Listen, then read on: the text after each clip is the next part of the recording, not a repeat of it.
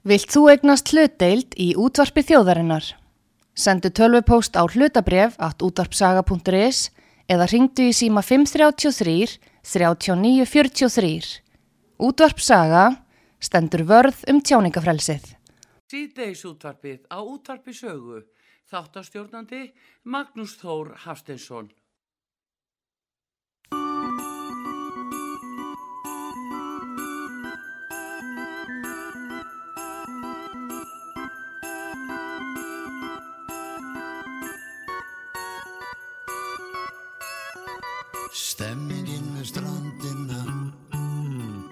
Þegar sóla kvældi sest Við silfurslegin sjó Mér líður best.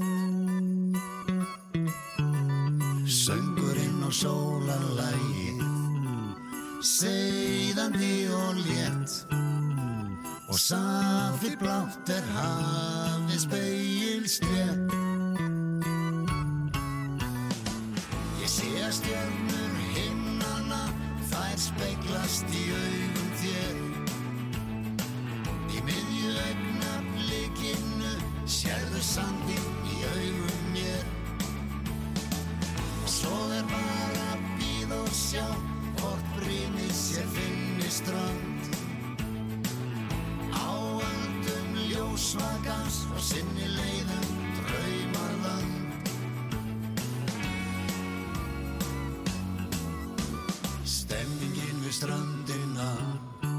Þegar sóla kvældi sest. Við silfur slegin sjó Mér líður best. Ég sé að stjörnur himnana Þær speiklast í augum þér. Í miðju augna blikinu Sérðu sandinn í augum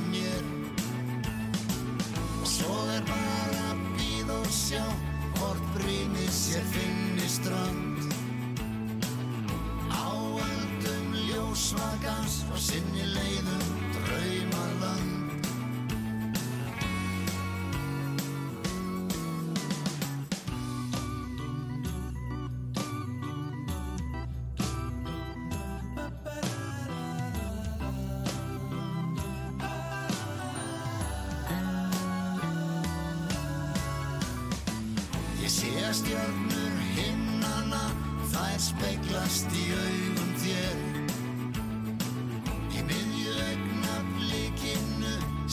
sérðu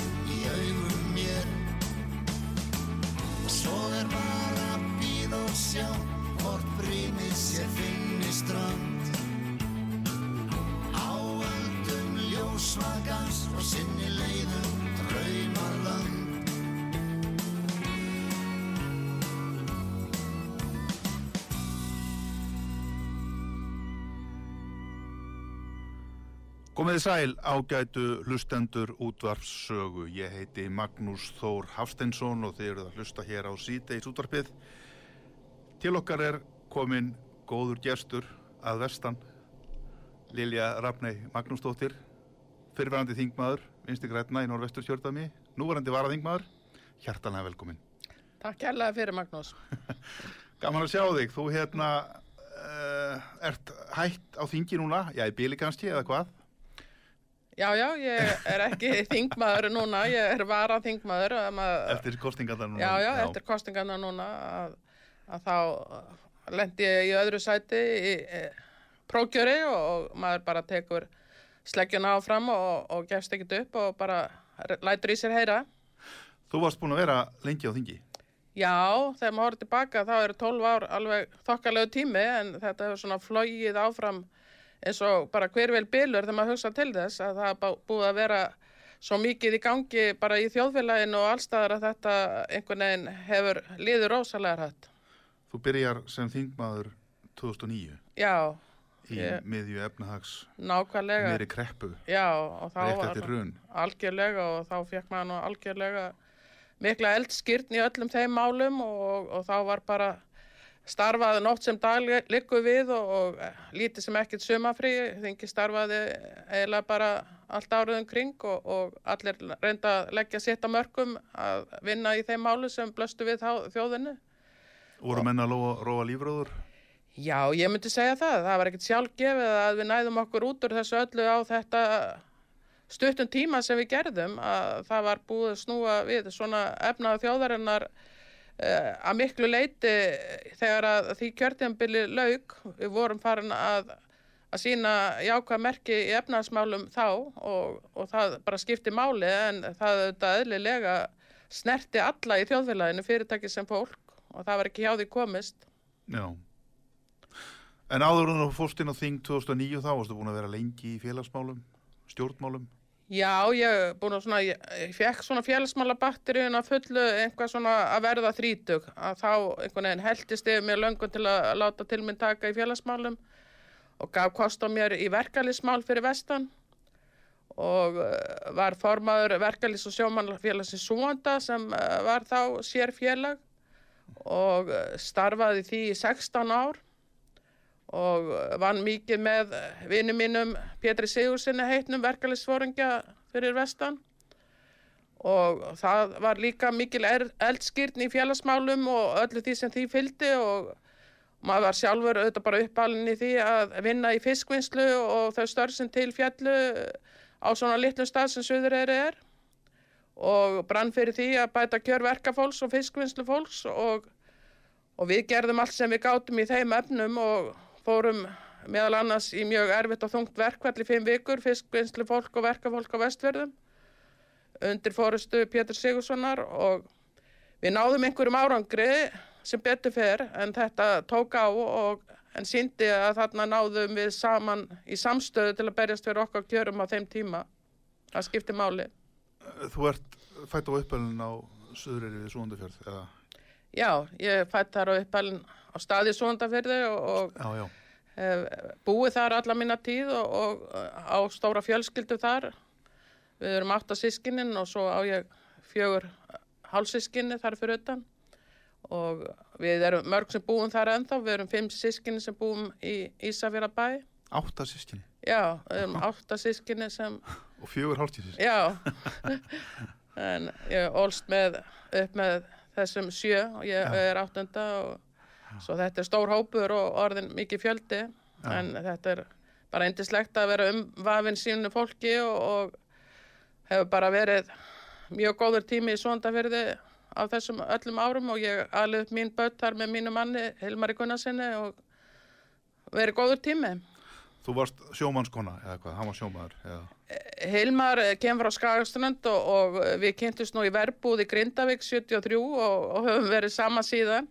En fluttum til Súndafjörðar eða ég dró minn mann þangað og hann byrjaði á sjónum. En síðan var hann uh, vörubilstjóri með sitt fyrirtæki í einhver, já 30 ár. En hefur verið sjómaður síðustu árin, einhver fimm ár en var svo áheppin að lenda í alvarlegu veikindum fyrir tæmi tveim árum, heila blóðfall og hjartaáfall og er svona að sem betur fer að, að ná sér aðeins upp úr því en var þetta mjög mikið áfall og hann inn á sjúkrós í heilt ár Já. svo að þetta hefur verið svolítið flókin og erfið tími fyrir okkur í fjölskyldinu. Já, já. En taland um þetta, þá þú myndist á verbúð og, og náttúrulega Suðureyri og allt þetta, verkalýsmálin. Við hljótum þá að þurfa að nefna þættina sem allir er að tala um í sjónvarpinu, verbúðina. Einmitt. Hún er nú tekin upp hjá ykkur eða ekki? Jú, á stórum hluta? Stórun hluti er hún tekin upp á Suðureyri og, og, og það er bara mjög gaman að sjá svona fortíðan að endur speglast í þessum þá- þáttum. Það er mjög margt sem að getur alveg samsamað sig við og, og líka bara í tíðarandanum á þessum tíma, hvort sem það var í stjórnmálunum með fjölmiðlum eða hvað það er að mér finnst að það tekst rosalega vel til að, að setja þetta saman í svona þáttaröð og, og ég horfi alveg límt á þetta og veit að landsmenn held ég flestir eru mjög áhugasamir um að fylgast með þessu þáttum. Þú kannast við þetta?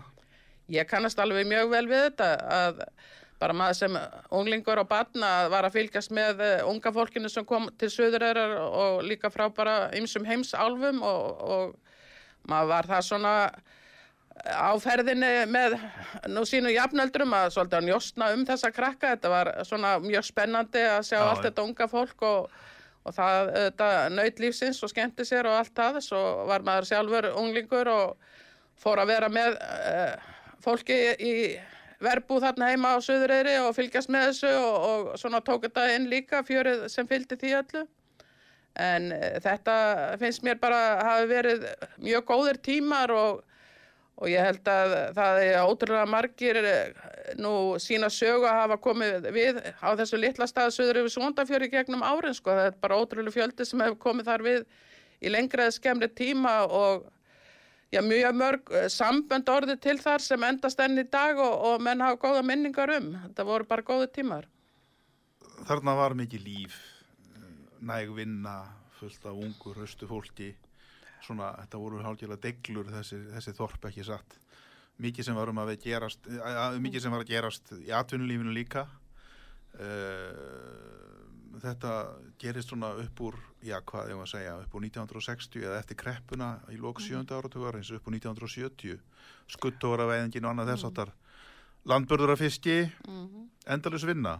Þú kannast við þetta allt. Já, já, það, við fengum skutt að vera 1977, Elin Þorbjörndóttur í Svondafjörðin og, og það voru þetta allir rosalega stoltir og ánæður með að fá svona glæsilegt flegi í bæinn og það var þetta mjög mikil vinna og það var ennþá þá líka smæri útgerðir og línubátar og annað svo það var þetta landburður af fiski og það þurfti bara allar hendur upp á dekkun svo sagt er bæði til sjós og lands og og það var ekki það að þessi staðir Suður er verið bara álíka á margir aðri staður á já, ekki já, já. það að við hefum verið einhvað einstök Nei, nei.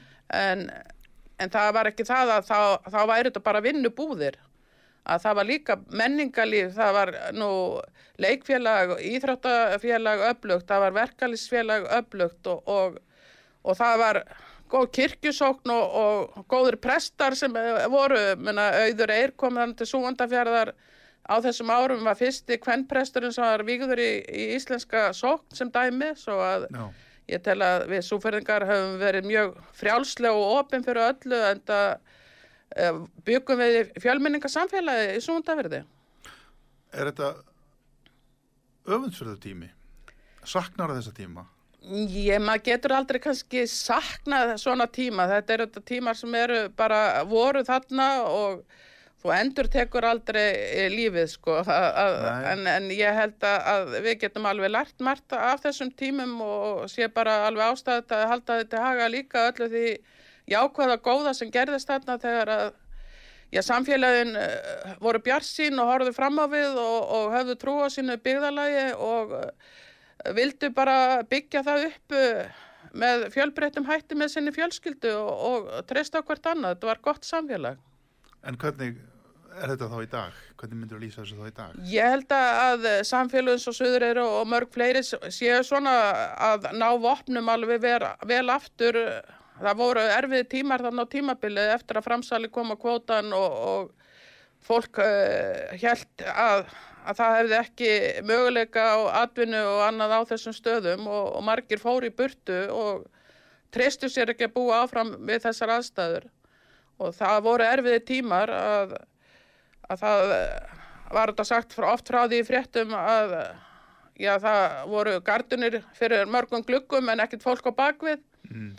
en, eh, en þetta hefur breyst og, eh, og það er bara kjarkur í vestverðingum yfir höfuð og, og ungt fólk hefur líka komið til þess að byggja upp með sínar eh, hugmyndir og sína mentun og tækifæra og hugvitt og, og við erum svo hefni svona fyrir því að það eru menn þar á staðnum og fólk á staðnum sem hefur haldið úti öflugu fiskvinnslu fyrirtæki í rúm 20 ár og smábátu útgerðin eh, bjargaði stöðum eins og súndafjörði algjörlega.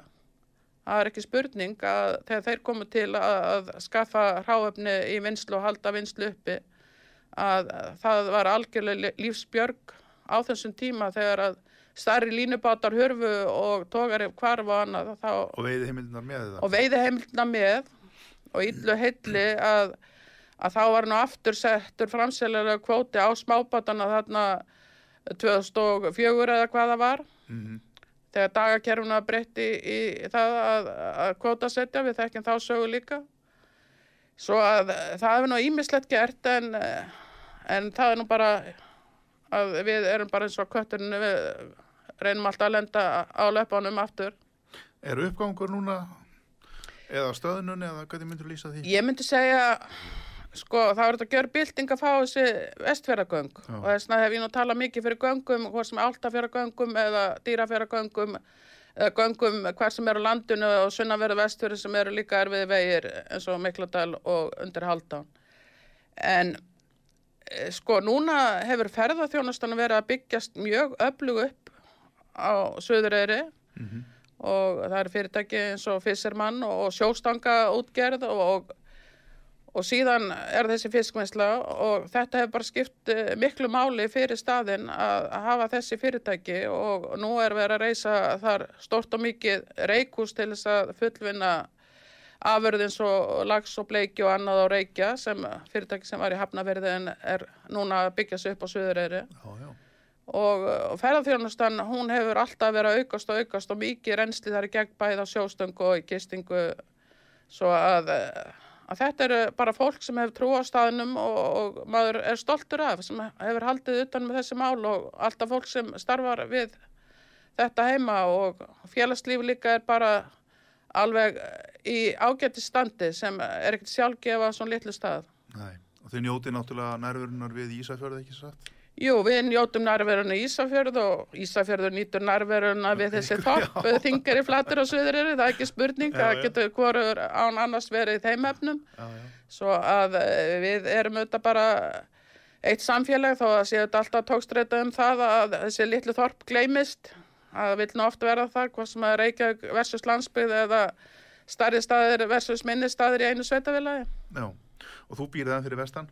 Já, já, ég bý enn fyrir vestan og, og, og kann hagminu vel þar þó ég hef verið með annað fótinn eh, síðust ár hér fyrir sunnan líka eh, á þingi þá hef ég alltaf verið eh, sem sagt með mína heimilisfestu fyrir vestan og farið þangað eins og ofta og ég get yfirleitt bara þegar ég var á þingi á hverju helgi sem mér finnst vera bara sjálfsagður hlutur að þingmenn utan að landi eigi kost á því að geta farið heim til sinum helgar og haldið sér teimil áfram á þeim stað sem þeir komu frá Já, verið í tengslum við...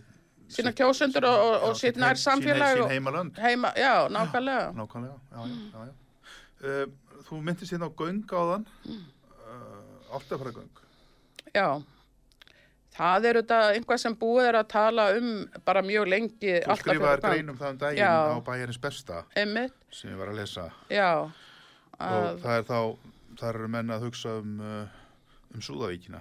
já, Súðavíkur hlýðin þessi göng myndu þá leikja hvernig, útskýrir það fyrir hlustendum? Já, það var gerð eh, sem sagt tilrauna svona eh, borhóla á sínu tíma fyrir nokkrum árum og að undirlægi fyrirvendi Þingmas Ólinu Þorvaradóttur og mín og fleiri Já. að fá fjármagn í tilraunar til að kanna jarðveg og annað Já, og það var tekið þarna svona til móts við Ísafjörðarflugvöll já, og, og þar væri það gangnápið þeim megin og yfir í Altafjörð undir fjallið. Það verður þá innan við Já, mér skilst að það sé, já, svona styrsta Op- leiðin opið, að já. það sé hortið þess. Já, En uh, síðan hefur þetta því miður, þetta var þarna hrun og, og fjármunir ekki miklir til að gera mikið, en uh, samt voru nú ansi miklu fjármunir lagðir í vestfyrða á smerfiða árum, bæði að byggja upp uh, þá dýrafjörðagöngin og, og svo þarna halda áfram með veginn á sunnanverðum vestfjörðum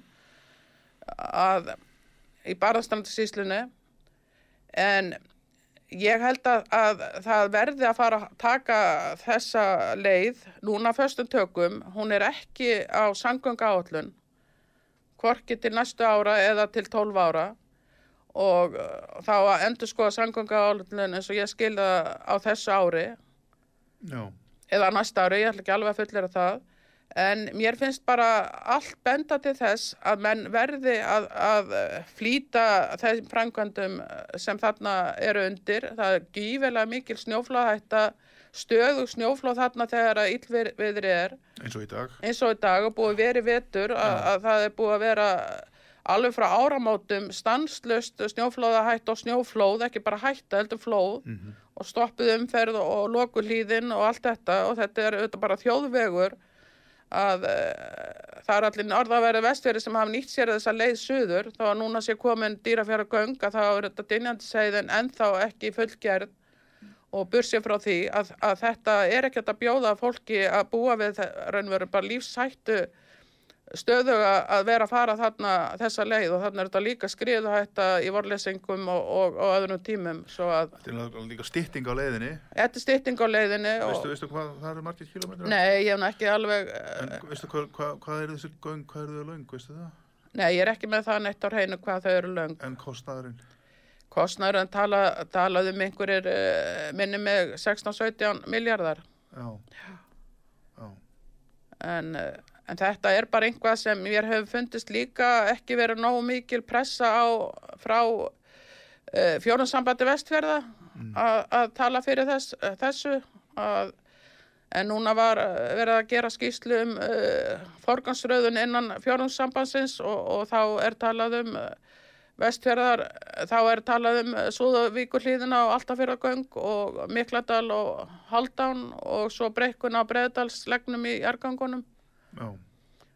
sem ég eh, hefði nú og á nú eftir að láta í mér heyra að það er ekki minnst á brekkun í súandafjörða afleggjaranum sem er einbreið göng, stór hættuleg Með útskotum. Já, og ég bílslysi mjög alveglega slisi með mína fjölskyldu og bara þakka fyrir að vera á lífi í dag í raun og veru fyrir þrem árum. Já. Svo ég er með undrandi yfir því að fjórumsambandið og sveitastjórnamenn eh, hafi sett inn engöngu á daskra brekkun nú breyðadalslegsins en Er ekki það, er þarna. það leggurinn frá... Það undaferði inn að, að Að- gatnamótum í miðjunni sem Já. byrjar tvöfalt til Ísafjörðar. Einmitt, einmitt. Það byrja, já, tvöfald í þessi verða það. Já. Já, já. En einfalt. Einfalt hinn og auðvitað þegar þetta verður meiri trafík núna eftir dýrafjörðagöngina þá verður þetta bara stípla þarna vegabæturnar, já. algjör. Já. En heima á söður er, er þetta bara orðið mikið trafík, flutningabíla með afurðir og annað og, og bara ekki fólki bjóðandi og maður bara skítrættur um að, að það verði alvarleg slis í ennbreiðum göngum þar alveg jafnt. Já.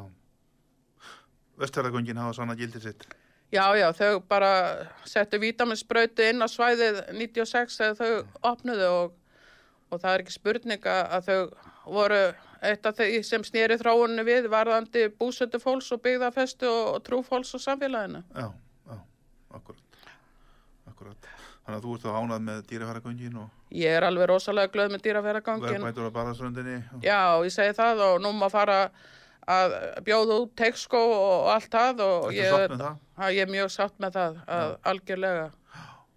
Þannig að ef tölum saman til tvö ára þá verður staðan vantilega orðið miklu, miklu betri heldur hún er í dag. Já, og, og það er þetta alveg tími til og, og margir kannski segja já, það hafi fa farið miklu fjármunir í vestfyrir þá undan farin nokkur ár sko, en við vorum auðvitað bara einhverjum 20-30 árum eftir öðrum landslutum í framkvæmdum í sangöngumálum. Svo Voruð þið svelti? já, það hafði mjög lítið gerst í langan tíma Já, og það voru meiri sér slegnar af framkvæmdir hérna á áranum áður vegna þenslu á, á höfuborgarsvæðinu og niðurskurði í þoski og ýmislegu og þá var eh, nú hætt við ákvæmna framkvæmdir í Ísafjörðardjúpi og annað þýðilegt. Svo einhvern veginn tökum við alltaf eh, nú þegar að eh, niðursláttin en, en njótum ekki alltaf þegar að uppgangur er og þensla. Fiskaldið hefur verið vítaminsbreyta fyrir vestfjörðina.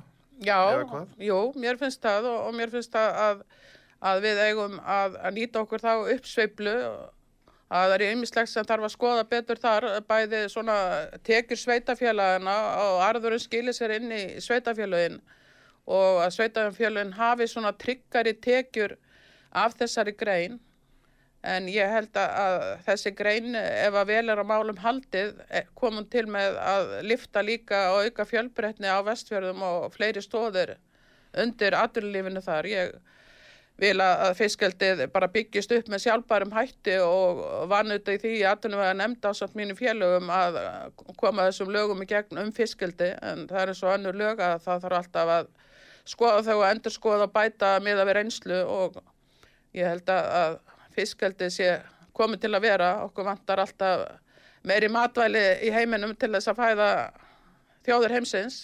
Viltu sjá lagseldi í Ísafjörðardjúpi og Jökulfjörðum?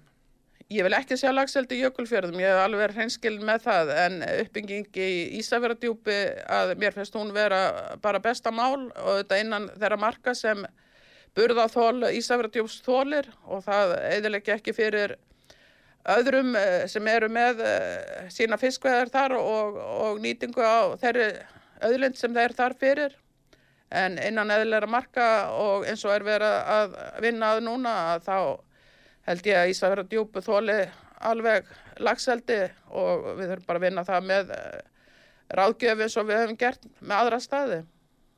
Þú ert ekki rætt við hluti eins og, já, laxalús, Laxalús eru þetta bara viðlóðandi laxin og losnar, menn losna aldrei við laxalús. Að ég hef nú fengið það upplýsingar frá færistu mönnum að la- laxalús mun aldrei hverfa en að halda henni niðri er þetta bara stöðugt viðfangsefni sem þarf að glíma við eh, eins og menn er að glíma við ímislegt í öðrum búskap til lands og sjávar.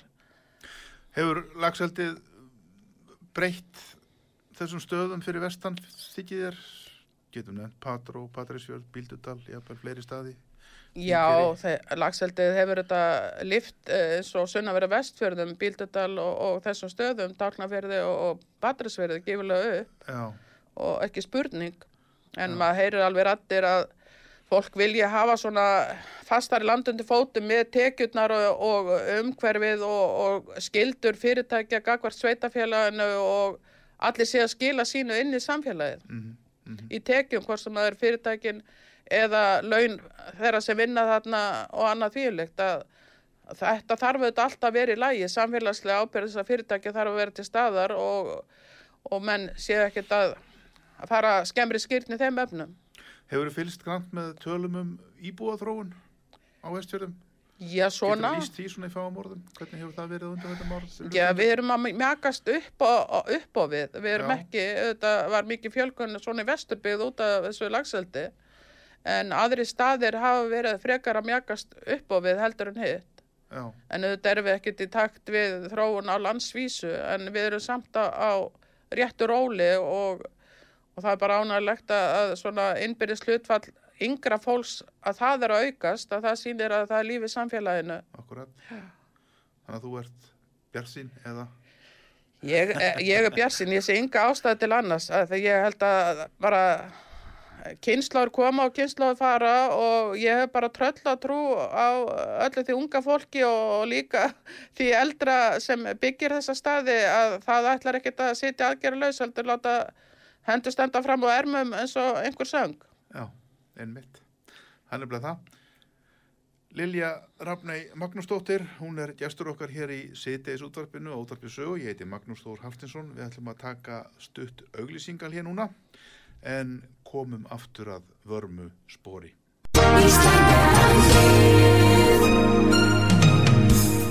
Styrtareikningur útvarpsögu í Íslandsbanka á Granda. Útubú 513, höfubók 26, reikningur 21111. Nánari upplýsingar á útvarpsaga.is. Takk fyrir stöðningin. Síðdeis útvarpið á útvarpi sögu. Þáttastjórnandi Magnús Þór Hafsteinsson.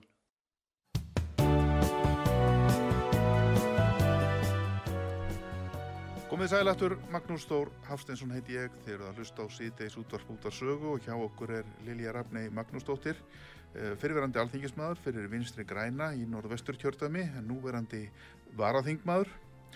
Eh, Þú varst inn á þingi á dögunum, ekki satt? Jú, jú, nú kemur eins og gestur á, á gamla vinnustað líku við. Hvernig varst þér? Já, þetta var svolítið skrítin upplifun að þó að sé bara nokkri mánuður sen ég var þarna síðast að, að þá er þetta mikil umskipti eftir síðustu kostningar að það komi fullt af nýju fólki og en svo gengur bara og maður þekkti ekkit öll andlit nema maður kannski úr sjónvarpinu en þetta var bara ágætt tími þá þetta var ekki margir dagar og, og ég kom alveg ymsi verk þá þetta væri einungis ein vika Sérðu eftir þingsætinu? Það, það er ekkert í bóð að sjá eftir einhverju sem búið er að gert að maður bara leifir sér það ekki neitt en, en auðvitað eins og, og þeir vita sem þekkja mig að auðvitað barðist ég fyrir því að halda áfram þingsætinu. Já, Ég fer ekkert lengt með það. Ég Nei. er í fullu fjöru og bara baróttu koni eðli mínu. En ertu, ertu búin að finna þér nýjan starfsvettvang? nei, ég er nú ekki búin að því, ég bara býð eftir nú einhverjum góðum atvinnutilbóðum. Já, Nei, nei, ég segi svona gríni. Nei, nei, ég er bara ákvað að, að nota bara þennan tíma svona til að, að, aðeins að huga minni fjölskyldu og, og slaka á sjálf því að, að þetta hefur alveg verið hörku áðan, tími. erfiðu tími Já, náttúrulega. ég segi Já, það mikið veikindi hjá mannum mínum og Já, hann er á sjúkrós í heilt ára og, og geti ymta hvernig það alltaf hefur verið fyrir fjölskylduna. Þið ætlaði að vera áfram fyrir vestan? Já, það stendur ekkert a- annan til, þá við eigum svona atkvar hérna á höfbruksvannu líka en þá sé ég ekkert annað inn í framtíðin en að vera áfram í svomandaverði. Þú ert ekki á leiðin í sveitasjöndamálin? Það er aldrei að vita að maður Það er kostningar í vor. Já, já, kostningar í vor og ymsir komið að máli við með svo sagt Já. er en ég er ekkert, ekkert búin að gera upp minn hug í þeim efnum. Ég vona bara okkar vegna í Ísafjörði bæ að það veljist gott fólk til að, stýra bænum sem hafi metnað fyrir sinn bæ. Já, þú myndir þá, það, það, það, já, Söðureyri er partur á Ísafyrði, Já, já, Ísafjörða bæ, Ísafjörðabæ, eins og Flateri flatir og þingari, og Þingeri. nýfstalur. Þannig ef þú ferir í þann slaga þá verður þú komin í slaga á þessu, já, tiltölulega nokkuð þokkalega stóru sveitafélagi. Já, já, þetta er um, fjögur þúsund manns, einhvað millir þrjó og fjögur í allt. Er það ekki alltaf þannig að þegar gamlir sirkushestar finna líktina á sæginu að þá byrjar að nætja eða hvað? Ég veit, veit ekki. Ég var auðvitað í sveitastjórnarmálum. Ég Já, var auðvitað ungkona um þrítugt, sko, oddviti á Suðureyri við Súndafjörð þegar það var sér sveitafélag og, og var þar bara hendi djúbulögina í meiri hluta og, og þá var gífurlegt, eh, hvað má segja, eh, gífurlega miklu erfileikar í fiskvislunum Freyju sem hétt á þeim tíma. Já. Menn voru að missa tógaran og sammenningar og sveitafélagið átti inni mikla fjármennu hjá fyrirtækinu og, og þetta kallaði bara á mikla samfunnu við að reyna að endurreisa sveitafélagið og ég eh, var strax inn á því að við ættum bara að skoða það með það huga að jargung væri framundan að vinna saminningu þessara sveitafélaga og ég fór eh, fyrir því í mínu sveitafélagi að eh, leita allra leiða til að samina þessi sveitafélög sem var svo niðurstaðan að, í framhaldinu 96 að, að þá saminuðist þessi sveitafjölög en það var svona mikið unni í því um undirbúningi á þessum árum sem ég var oddviti frá 90 til 94 Já. Þannig að þú gjör þekkir.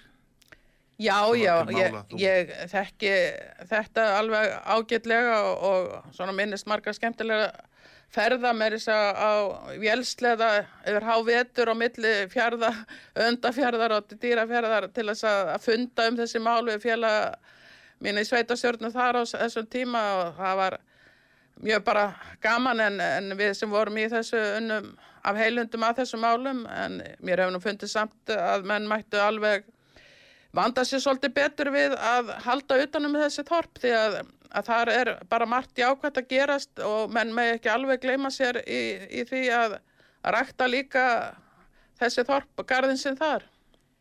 Þessi stjórna sveitafélun hverju sinni. En þú ert ekki til að gefa neitt upp um það hvort að þú sérst að fara í sveitasjöndamálin eða ekki? Nei, bara í hreinskilni sagt þá er ég ekki búin að gera upp hugminn. Ég myndi alveg segja það að þú segir ekki nei. Nei, ég segi ekki nei, ég segi kannski, kannski. en ég er bara ekki búin að gera upp hugminn að maður þarf að líka alveg brenna fyrir hlutunum ef maður hellir sér út í einhvað slíkt. Ég er búin að vera í sveitastjórnumálum mér áður fyrir. Þú gerir nú það. Þú hefur nú brennandi áhuga á pólitík. Já, já, ég hef alveg brend áhuga á pólitík. Það er bara alltaf spurning, maður þarf alltaf aðeins að láta Rikki setjast og hugsa Já. hvað maður vill gera næsta ára við lífsitt. Já, nákvæmlega, einmitt. En þú nefndir þá að þú hefði verið inn á þingi núna á dögunum eina viku og uh, þú komst þar, já, með þingmál, frumvart til laga um breytinga á lögum um stjórnfiskveiða, strandveðarnar. Þú hefur nú verið mikið þar í Suðsljósunni, sem að segja. Þú varst nú formaður aðtöfunum en endur á síðasta kjörtímabili. Var þar við ramman reypað draga? Nú voru þið vinsti græni í samvinnu við, já, framsónaflokkin og sjálfstæðisflokkin og allavega í sjálfstæðisflokknum er nú ekki kannski allir mjög hrifnir að þessum strandveðum var þetta erfiður róður? Varstu í stöðu basli við að Já, ég eh, bara ákvað bara upphafi síðasta kjörtjambils uh, þegar ég fekk uh, það hlutverk að vera formað aðtununemndar að, að láta til minn taka sérstaklega varðandi þessi mál og viss að það er það bara að byrja að vinna í í upphafi kjörtjambilsins og ég einbeitti mér að því að, að ná öðrum með mér í það og ég þarf ekkert að kvarta undan því að hafa ekki fengið góðan stöðning frá félögum mínum í atvinnum að nefnd þetta var góður hópur þar og eh, bæðið í stjórna meiri hluta og minni hluta mm. og eh, við náðum bara góður í samstöðum um þetta sem heild og gerðum þetta að okkar máli atvinnuvega nefndar og ég held að, að það hafi skipt miklu máli að þetta var ekki bara einhvað einslitt mál þetta Forsaga málsins er að, að þetta vinsti græn voru upphafsmenn að, að koma á strandveðum þetta með stjórn samfélkingar á sínum tíma. Svo að, að það þurfti að koma þessu svona batni áleiðis og með að hvernig reynsla hafi verið að kerfinu að reyna að bæta þar úr. Og, og ég þetta reyndi bara bæði að eiga gott samstarf við hagsmun aðila fólki í atvinnuvega nefnd og, og svo tala fyrir því þetta við táverandi ráð þeirra um þessi mál. En þetta var ekkit sjálfgefið en mm. þetta tókst, þetta var alveg hörku vinna að, að halda utanum þetta og ég gerði þetta ekkit einn að maður gerir ekki eins og var nú sagt einhvern veginn, maður gerir ekki raskat einn. En nú kemur við með þetta frumvarp Lýstu þessu frumvarpi aðeins fyrir okkur í fámorðum Hvað er það sem þú vilt með þessu frumvarpi? Sko frumvarpið er þetta fyrst og fremst til þess að tryggja þessa 48 daga sem var þetta svona kjarnin í þessu öllu að breyta þessu úr einhverjum ólipískum veiðum í fasta daga í hverju mánuði. Þannig að menn hafi þá 48 daga á hverju sumri Já, að að tryggja veiða. það að að hafi 48 ti- daga til að veiða og 12 daga í hverju mánuði og ekki á helgum. Og innan greinarinn sjálfar, jafnvel hjá þeim sem voru svona mjög ragir við að gera einhverja breytingar, að þeir eru orðnir áfjáður í að, að það sé mikilvægt að tryggja þessi 48 daga og eh, núna blasti það við að að það var þetta skerðinga og ráðgja hafra fyrir þetta fiskvið ár og það kemur niður á þeim hluta sem er 5,3% og þar innan er þessi pottur fyrir strandveðar. Svo að eh, þegar að nýr áþæra vinstu granna kemur þar að borðum þá er eh, það upp á borði að, að það sé lítið hægt að gera annað en að skerða þá hennar strandviðbót og búið svona að kannski að negla niður aðra þætti innan þessa 5,3%. minka sem sagt afla heimildinar Já. sem til ráðstöfunar í strandveðar Svandís kemur með það bara núna nýtekin við Já, þá Og- skrifar hún upp á reglugjörðum slíkt og taldi þá að aðri þættir eh, byggðakvóti, sérstakur byggðakvóti, líniðvilun og s- re- rækju skelbætur að eh, já, fyrirvendur á þeirra hafa verið búin að rástafa því svo hún ráð ekki við eh, mikið annað en að gera þetta að Sko, taka þessa skerðinga á þennan strandviðbót. já Nú er 13% skerðing í þorskuðikvótanum og það er náttúrulega fyrst og reynst þorsku sem mennur að veiða eftir strandveðanum Nákvæmlega. 13% skerðing á útjöfnum alla heimildum á milli ára. Við förum úr 256.000 tónum í 223.000 tónum þessu fiskvið ári og uh, já, ég verð nú að segja það að því miður þá eru horfur til þess að það verði jafnvel enn meiri skerðing núna næsta vor, eða núna í vor sem sagt, vegna þess að vísitölunar úr ralli eru ekkit sérstaklega góðar haustrallinu og, og það er náttúrulega spennandi að sjá hvað kemur út úr vorrallinu en, en samt sem maður, ég, ég fylgist með þessu og, og hérna, ég er ekkert sérstaklega bjarsinn, allavega ekki á það að aukinn kvótinn. Mm Nú erum við með þetta kvótakerfi og mér langar til að spurja, er verður ekki eitt yfir, jæmt yfir alla að ganga? Sko, skipting innan þessa 5,3% Já, að hún er ekki heilug, hún er ekki náttúrulegumál nei, og hún hefur verið ansi lengi. ekki frekar en kvótakerfi. ekki frekar en kvotakerfið og, og það er nú kannski búið að reyna að ráðast á kvotakerfið og gengið eh, nú misjaflega illaði vel en þarna er hægt að- hreyfa hlutum. Rækja og skelbætur eru búin að vera þarna í gildi í fjölda fjölda ára. Já, hvað, tvo, nú, 20 ára eða hvað það er? Það er það aflaheimildi sem er að taka af einhverjum öðrum, ekki satt, Já, meina, bæ, bætur eru þetta, það er verið að horfa til þess að þessi hluti fiskvæðistjórnar kerfi sem hugsaður sem til að styðja við byggðir, byggðir og byggðafestu. Já, og mæta þeim byggðum sem hafa farið illa út úr kvotakerfinu og framsalinu þetta sérstaklega. Og það þarf auðvitað bara að stokka þau upp og þess vegna lagði ég fram ítarlega fyrirspurn núna inn á þingi. Hvernig þessum nú ráðstöfum hvernig þær hafa nýst byggðunum í raun og byggðafestu og fá útlustun á því uppskipting á því í hvað höndum lendi þetta rækjóskel, almenni bætur. byggðakvotin, sérstakki já. og línu yfirlun. Hvar lendir þetta? Því að það þekkja allir sem þekkja til í þessar grein og greinum að þetta hefur farið í alls konar aðrar hendur heldur en að raun og vera að nýtast þessu byggðum og oft lendi á að braska þetta, erum menn að leiða þetta frá sér? allavega að, að Þetta verður ekki í byggðunum að gagni, nei, eða hvað? menn er að leiða frá Enda sér bara einhverjum bankabókum. all, allavega, þetta Já. hefur bara allavega verið að fara í aðra hendur heldur en að uppalega hugsun var á bakvið þetta. Aha.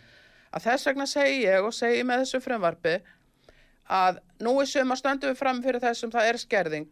Ok, við ætlum ekki að fara að, að vinna einhvað gegn uh, vísindalega ráðgjöf Havró en við getum haft hann sveigjarleika að taka ef ávantar í þennan pott fyrir þetta suma strandveðnar að taka af aflaheimildum næsta árs, færa þá til þess að tryggja pottin í sumar, nota tíma núna fram að þeim tíma til þess að endur skoða kerfi sem slíkt, hvar er mesta byggðafestan af þessum aflaheimildum, hvernig nýtast er best og það er bara pólitíki sem tekur ákvarðunum það og, og vinnur með það gegnum þingið.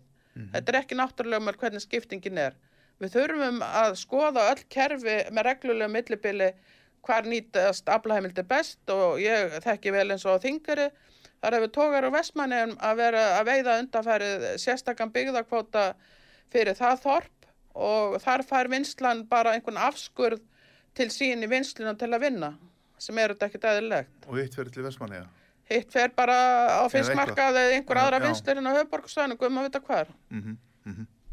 Svo að þetta er alveg gerlegt og, og það er búið að gera fyrir stórútgerðin að leifa þeim að- færa á milli ára óveitan, óveitar aflaheimildir og fellanið veiðigjöld vegna erfileika út á loðnunni og ímislegt og, og þetta allt rúmast innan vísindilega ráðgjafar hafur á svona tilfærsla á milli ára. Þú talaður um það áðan að það hefði verið góð samvinna í atvinni og nefnd til að þú varst formaður um þessi mál. Já, ég held Eða að þú hefur verið þokkalega sátt við það.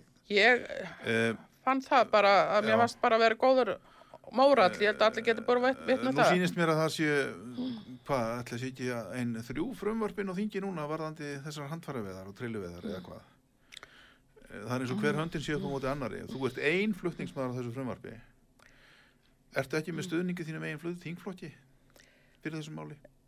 Sko, ég kem auðvitað bara brött að þessu að því að mér fannst þessi mál vera á mjög vondu stað að þegar okkar á að byrjar þarna auðvitað og er ekki mikið búin að, að setja sig inn í málin og stend bara frammi fyrir einhverju sem eh, býður hans þar að verandi búin að vinna þverrpóltist í þessu undanferðin ár og, búin að vera talsmaður eh, flokksins sjávart út smálum undanferðin ár að þá varði ég bara að koma svolítið bratt að þessu og vera með hugmyndir og tillögur.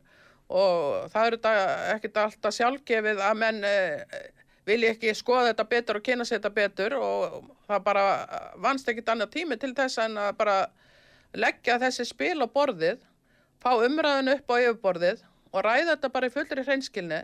Ég veit að eh, inn á þingi hefur þetta undanfærin ár verið, eh, eða verið lögð fram frumvörp um alveg frjálsar handfæraveiðar. Í hjarta mínu myndi ég styðja það innum fullkomna heimi því að ég held að handfæraveiðar muni aldrei stopna lífriki sjávar í hættu og saminuð þjóðurna leggja mikla áherslu núna á sjálfbarar handfæraveiðar og eh, en veruleikin er bara svolítið sem að þarf alltaf að glíma við hverju sinni.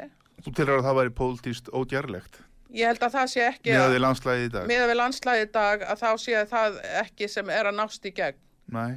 En miða við að vera í góðu samtali við greinina sjálfa og eh, búin að vinna þerrpól staðismálum inn á þingi og Atvinnuga nefnd lagði þessi bæði þessi frumvörp fram í sínu nafni. Fyrst var þetta gert tilraun 2018, eitt sumar, svo var þetta sett í lög að undagengin í skýslu og samatekt frá byggðarstofnun og úttekt og allt þetta á byggðarfestu aflaheimilda í þessu kerfi.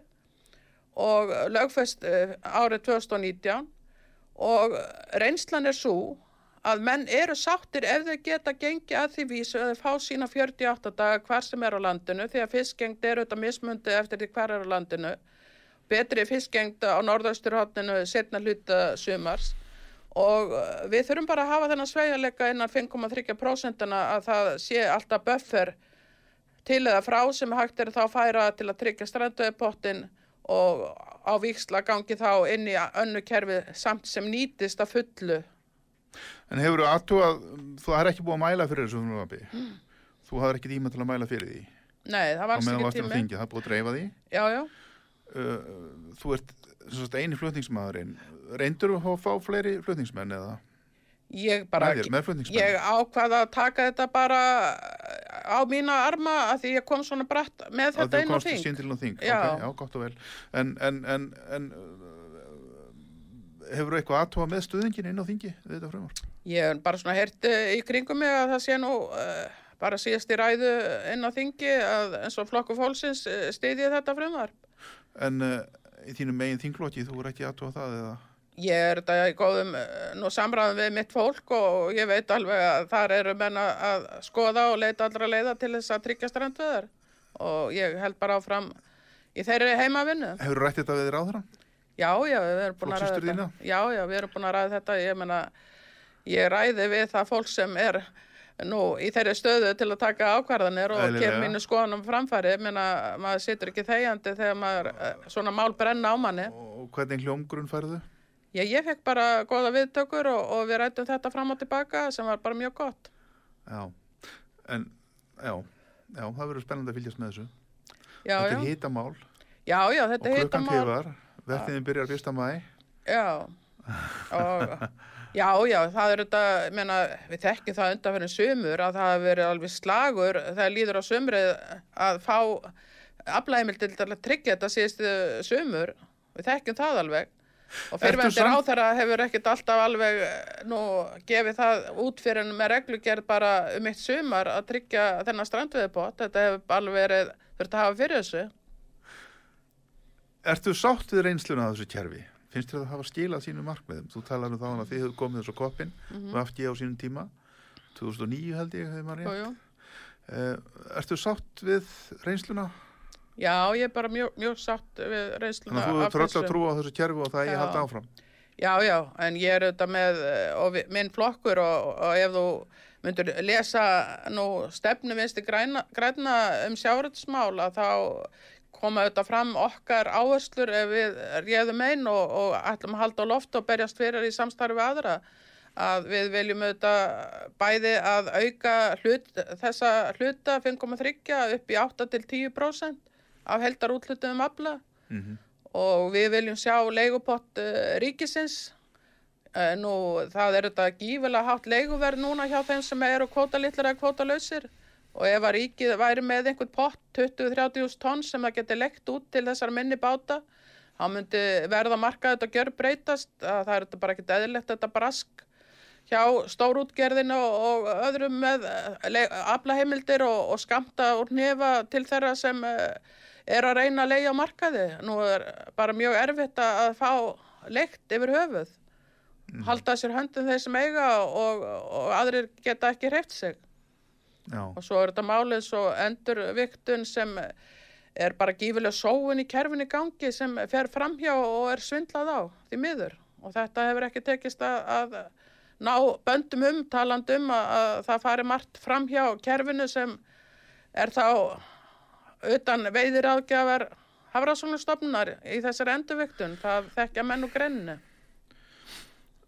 Nú er kannski þegar maður skoðar þessi málöldsömmul þá er kannski svona botnin í þessu öllu, kjarnin í öllum þessum eilífu deilum, þessum eilífa, hvað ég var að segja, vanda að eh, veiði heimildirnar þær virðast reynlega ekki vera nægar. Það eru of margir hestar að bítast um of lítið hei í jötunni. Aflaheimildir í Þorski fara ár 256.000 tónnum niður í 223.000 tónn, 13% skerðing á milli ára, fiskvið ára, sem er rosalega mikið. Og uh, það er ekki að sjá að þórstofnin sé að hjarna við, allavega ekki miða við nýjustu tölur. Kannski verður skerðing aftur í vor. Er þú sátt við þennan árangur á kvotakjörunu? Ég veit ekki hvort að sé hægt að segja að maður sé sáttur. Ég held að það þurfi bara miklu fleiri aðilar með eh, bæði þekkingu hinn almenni sjómaður og aðrir vísindamenn að koma að rýni á þetta og hvernig best verður staðið að eh, já, vísindarlega ráðgjöf og, og rýni í, í þessi mál. Ég, meina, ég barði skekti að kvótasetja grásleppu og við í vinstri græn og það var ekki gert á síðasta ári sem var frumvarp um að gera að þar var ráðgjöfin mikið niðurskurður svo árið eftir að þá jógst ráðgjöfin um 76% og maður spyr sig getur það virkilega verið að það sé svona mikill munur á milli ára á möguleikum á nýtingu á þeim stofni. Voru það þið í vinstri grænum sem komiði vekk fyrir það að grásleifan færi kvóta? Já, við lögðumst algjörlega gegn því og ég sem formaður nefndarinnar. Og hvað var Og það- sagt í ríkistjórninni? Já, það var ekki gleði, það var þetta margir eh, sem bara voru æstir líka í greinni sjálfur að fá þetta í kvóta Jú, og jú, geta ég man framselt þetta. Já, já. En, en eh, ég tel að það sé hægt að stýra þessum veiðum með öðrum hætti og þetta sé bara hluti af eh, því landslægi sem 5,3% eru varðandi byggðafestu og annað þvílíkt að það sé kannski geðilegt að eftir einhver fimm ára þá sé kannski allur eh, kvótinn va- varðandi hrokkjelsin komin á einhvern eitt svæð á landinu, þetta er staðbundin tegund. Já, já, og, og talandi um eh, að það verði kannski samdráttur áfram í útlutum af aflaheimildum talandi um það að nú er stór útgerðin með eh, meira en 12% margar hverjar. Það er mjög jú. erfitt að ná utan um það Af hverju ekki tekið á því? ég er að segja það að það þarf virkilega að taka því. Það áður ekki að líða það að, að hún sé þarna yfir. Það er beitt hörðum refsingum ef einhver smábátasjómar eh, sést he- henda einum tveim eh, fiskum í sjóin sem er kannski lífanlegir en stórútgerinn kemst upp með þetta að vera þarna yfir þessu hámarki í aflahlutdeild. Og mér finnst að það þurfa að taka þetta miklu fastari tökum og, þeir þurfa að fara undir þetta þak á eh, skemmri tíma en einhver fjórum, fimm árum, það er bara fáránlegt. Já, já, nú ert þú í flokki sem eru við völd hér á Íslandi núna, með fórsættisráðunetið og með sjávarðsráðunetið og mikil áhrif, mikil ítök. Akkur er ekki tekið á þessu? Já, það er þetta bara... Ég, við- að ég spyr Já, já, þig, þú, þú, ert, þú ert inn í þessu, Já, já, ég er þetta bara ekki ein við völd og, og er ekki hefur rætt mikið þetta við þína félaga? Já, já, við erum þetta bara öll þar að það þurfum taka á þessu en við erum þetta í, samstarfi flokka og þetta var reynd að taka á þessu að fyrirvendir á þeirra sem var ekki að ná utanum þetta sem skildi, það bara kláraðast ekki neitt. Ertu að tala um Kristján Þór? Já, hann var á þeirra þessa máluflokk síðast. Já, já. En en núna bara ber ég miklar vonir til þess að- okkar á þeirra Svandís taki þetta föstum tökum til þetta eru þetta óásættanlegt að stórútginu komist upp með þetta að vera langt yfir kvótaþakki og rauninu vera að vera að brjóta lög og, og það sé ekki refsivert. Ég hefði alveg getað séð fyrir mig að menn bara aflaheimildir verið teknar af þeim ef að þeir gera þetta ekki innan einhvers ákveðins tíma og þá er þetta að nýta það í einhvern legupott ríkisins þess vegna. Já, Ég er bara með svona hugmyndir já. og einni það að við Þeim er þið settur stólinn fyrir dyrnar og sagt bara við að ef þið lægið þetta ekki þá bara hyrðu við okkur kvótan. já, Þú, meina, ert að ert að segja það. já, það er þetta, þetta þarf að gefa mönnum einhverja aðlögun af því en e, þeir eru nú búin að vita af þessu og það mjög lengi að þetta er, eru lög og þeir hafa fengið allt og langa tíma að komast undir þetta þak og, og það tók nú mjög langa tíma að koma ákveðnum útgerðum á suðunni sem undir þetta þak í krókaflamaskerfinu, við þekkjum það Já.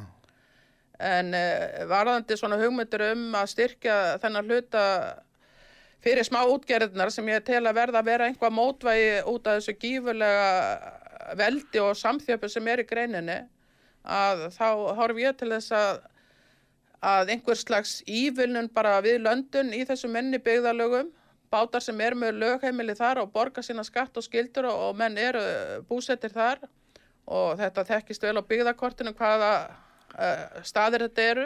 Væri það svona svipað á línu yfirlunin? Já, bara við bryggju. 20% Dagróðrabátar við bónus bryggju fyrir að landa Já. dagur, og það eigi miklu frekar að nota þennan byggðakvóta uh, að hluta til í einhvað slíkt. Já, Ég held að það væri mjög gott með frá strandveðunum og leigubóttir ríkisins. mhm. Ég er með fullt af góðum hugmyndum sem uh, þarf bara að fara að hella sér í að vinna út frá smábáta útgerð í landinu til farsaldar því að ég held að við viljum ekkert okkar sjá að, að þessi smábáta útgerð verði kefta upp að þessum stóru aðalum menn eru byrjaðar stórfyrirtækin að kaupa og báta og króka aflamaskerfinu ég tel að vera mjög hættulega þróun. Einmitt, já. Lilja Rafnei Magnúsdóttir, varaþingmaður, fyrirvændi alþingismadur, fyrirvændi sveitasöndamaður. Þú ert búin að vera hérna hjá okkur undanfæri klukkutíma og tíminn er búin að líða hratt eins og ég sagði við þig áður við fórum í stúdíó. Það var gaman að fá þig. Já, bara takk sem fyrir leiðis. Ég bara fann að ég fór alveg á flug. Ágætu hlustendur, við þökkum ykkur fyrir áhörnina og Davíð Tæknimanni fyrir hjálpina. Það var hann Rúnar Þór, okkar maður hér á útvarpisögu og vestfyrðingur sem flutti upp á slægi, ég glemt að geta þess í byrjun. Ég heiti Magnús Þór Haftinsson og hveð, ég verð hér aftur á morgun, verið sæl.